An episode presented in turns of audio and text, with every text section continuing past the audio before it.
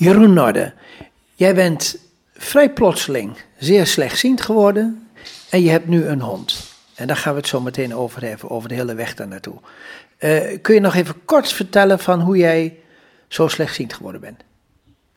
Uh, ja, ik heb uh, jarenlang in Afrika gewoond, Zuid-Afrika. En ehm, daar heb ik TBC gekregen. En daardoor ben ik in principe blind geworden, omdat het in mijn ogen is terechtgekomen.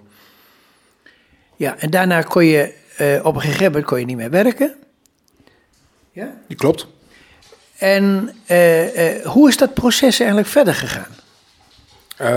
Nou, ik ben terug naar Nederland gegaan. En daardoor, omdat ik in het buitenland heb gewerkt, ben ik in de bijstand terechtgekomen.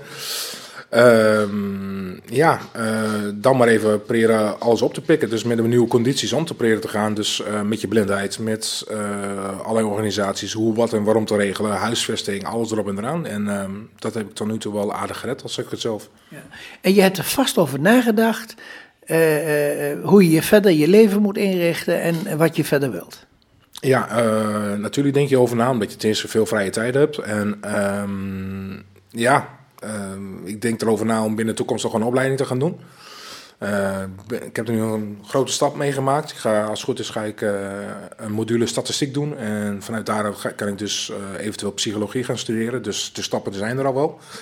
Alleen de uitvoering moet nog even gebeuren. En nou, de eerste deel van de uitvoering is al, heeft al plaatsgevonden, de statistiek dus. En voor de rest probeer ik me gewoon dienstbaar en nuttig, nuttig eh, te houden voor mezelf en voor de omgeving en voor andere mensen. Oké, je, hebt, uh, je hebt ongetwijfeld, uh, ben, je, ben je verder bezig geweest om je weg te vinden, dingen te vinden, trucjes te verzinnen enzovoort. ja, maar ja, dat doet elk mens denk ik toch? Nou, dat is waar, maar je, maar je, je wordt plotseling heel erg slechtziend en dan, en dan moet je toch weer nieuwe trucjes leren. Ja, en gelukkig zit er in mijn karakter om dan je snel aan te passen en proberen van elk nadeel een voordeel te maken. Oké, en hoe heb je dat gedaan? door niet bij de pakken neer te zitten, door middel van blij te zijn met elke stapje die je maakt, ook al zijn het hele kleine, minuscule stapjes en uh, daarvan te leren en vervolgens daar weer op verder te bouwen. Ja, maar hoe was jouw actieradius wat betreft het uh, buiten de deur kunnen vertoeven? Uh, Zonder hond was hij zeer klein. Maar hoe klein? Um, ja, ik was afhankelijk van mensen. bijvoorbeeld boodschappen doen, bijvoorbeeld met dingen regelen op een andere plaats te komen en al dat soort dingen. En uh, sinds ik Johnny heb. Um, Johnny is de hond? Inderdaad. Um, uh, is mijn actieradius is dusdanig groot geworden alsof ik mijn oude leven weer terug heb. Dat is, dat is alvast heel mooi. maar hoe is dat in zijn werk gegaan? Je zult ongetwijfeld in eerste instantie gewoon met een, met een tasstok gelopen hebben. Ja, klopt. ik heb eerst een training gekregen van Koninklijke Visio.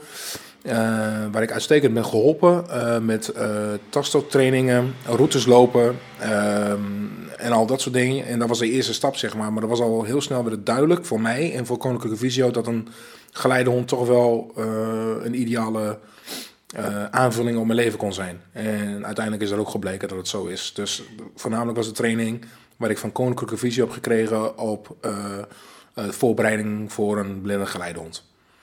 Ja, dus je, je vond eigenlijk dat je alleen met een tasstok, dat het onvoldoende was om overal te komen waar je zou willen komen.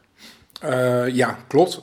omdat je ik ben een beetje redelijk on onafhankelijk persoon en ik wil toch maar meer mijn eigen dingetje kunnen doen en niet afhankelijk zijn van andere mensen. Bijvoorbeeld, ik noem maar wat, als ik een dok dokterafspraak had, dat ik dan weer iemand moest bellen om dat weer te regelen enzovoort. Ik wilde het gewoon mijn eigen doen en die karaktereigenschap heeft er ook voor gezorgd dat Koninklijke Visio en ik samen hebben besloten dat wij een, dat een geleidehond toch beter was.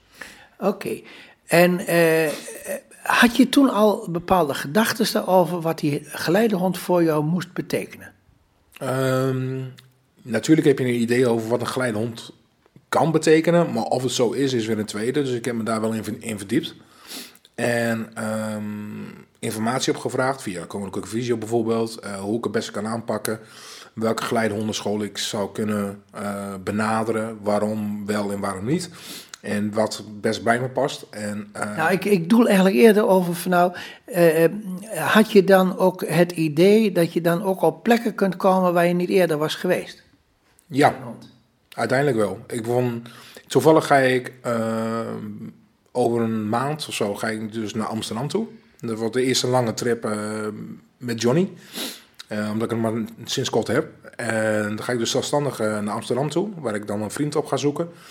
Uh, daarna ga ik waarschijnlijk ga ik even naar Parijs toe. Om daar een nachtje te overnachten. En dan ga ik weer terug. Dus zo... Dat is een mooie uitdaging. Ja, inderdaad. En uh, dus zoveel vrijheid geeft me, uh, Johnny geeft me dan weer terug. Dus ik ben dan meer zelfstandig geworden dan daarvoor. Oké. En hoe ging het nou met het uitzoeken waar je eventueel een hond vandaan wilt hebben? Hoe, hoe ging dat allemaal in zijn werk? Uh, het eerste wat bij je opkomt is uh, uh, natuurlijk de KNGF. Koninklijke Nederlandse Geleide Hondenfonds. Ja. Um, daar heb ik gelijk contact mee genomen. vervolgens kwam er een mevrouw langs voor een introductiegesprek, of een kennismakingsgesprek. En ik ben nog qua vragen stellen ben ik nogal kritisch en sceptisch. En ik heb wat doorgevraagd enzovoort. En uiteindelijk was het niet mijn partij. Dat was mijn conclusie. En uh, toen zijn we verder gaan zoeken. Toen. Waarom niet? Omdat ze aan bepaalde mm, eisen stellen naar mij toe waar ik niet bij prettig voelde. Kun je een beetje een voorbeeld geven? Um, ik moest een x-aantal routes per se kennen volgens hun.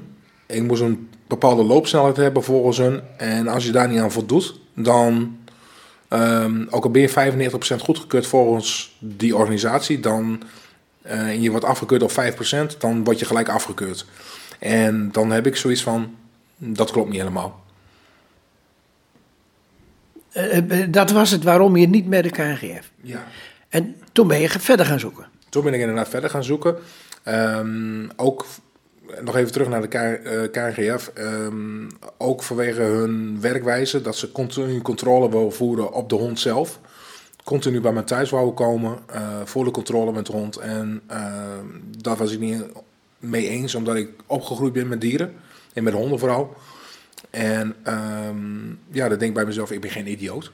Ik kan wel met een hond omgaan. En uh, als je die vertrouwen niet aan mij geeft, dan ja, dan heb ik die vertrouwen simpelweg niet. En ik ga toch uit van vertrouwen, wederzijds. Daarna ben ik naar, uh, zijn we verder op zoek gegaan. En toen kwam Gauws Geleidehondenschool, die kwam gelijk om de hoek kijken. En uh, tijdens de eerste kennismakingsgesprek was met Serge Gauws, uh, de zoon van Martin Gauws. Mm -hmm. was het dusdanig plezierig contact. wat me gelijk opviel was dat Gauws Geleidehondenschool gelijk meedacht. Dus niet specifiek hield zich aan de, aan de reglementen en de, de, ja, aan wat ze precies wouden en hoe, wat en waarom. Er werd je geen stapel voorwaarden direct uh, voorgelegd? Nee, nee, ze dachten echt mee. Zo van, oké, wat heb je nodig? Uh, kunnen we dat leveren? En um, uh, zijn er nog dingen waar, je, waar we nog rekening mee, mee, moeten houden enzovoort? En dat is een heel andere startpunt dan van, dit zijn onze regels en daar moet je aan voldoen. Ja, oké. Dat was het introductiegesprek. Ja. En dan verder. Uh, vervolgens, uh, nou, de procedure is in werking gesteld enzovoort. Um, Gauws Geleidehondenschool heeft me uitstekend op de hoogte gehouden. Uh, hoe ver ze waren met bepaalde honden. Ze hebben me uitgenodigd op een gegeven moment om bij hun op locatie langs te komen in Lelystad.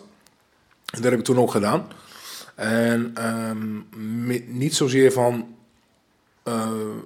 kijken wat voor een hond ik leuk vond, maar meer om te kijken van wat voor karakterhond past het beste bij mij. En, dat betekent dat je een eigenwijze hond moet hebben? In mijn geval wel, ja.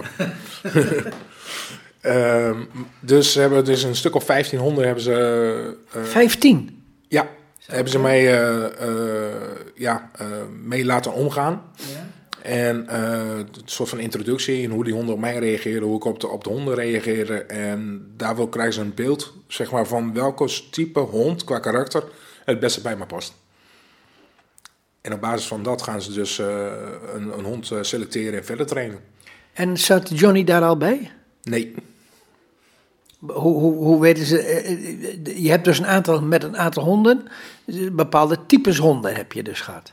Ja, Dus uh, je hele drukke honden, hele verlegen honden, introverte honden, heel assertieve honden, hele uh, nieuwsgierige honden. Lijken wel mensen. Inderdaad, en elke mens heeft weer zijn eigen voorkeur enzovoort. En um, op basis van dat gaan ze kijken van wat de interactie is tussen mens en dier op dat moment is. En op basis van dat kunnen ze verder kijken wat voor type hond het beste bij me past.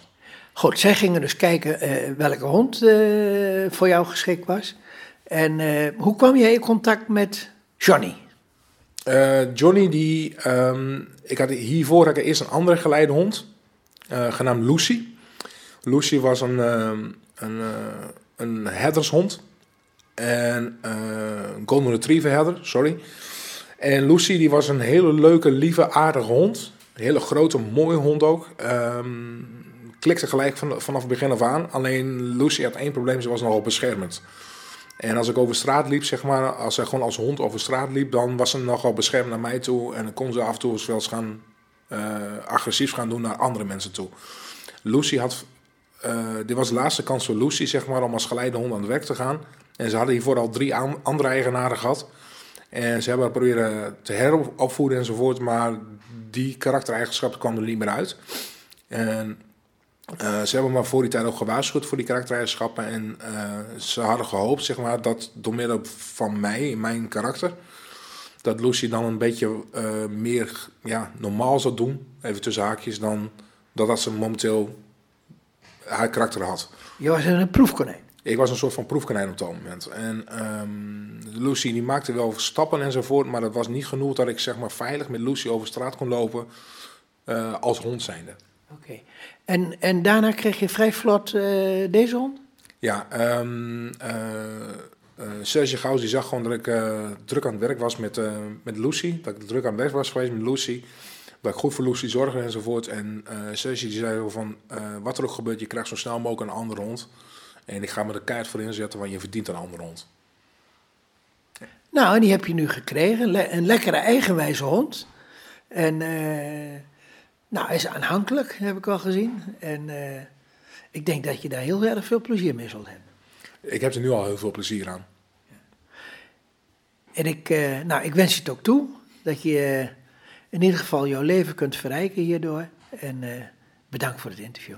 Ja, jou ook bedankt.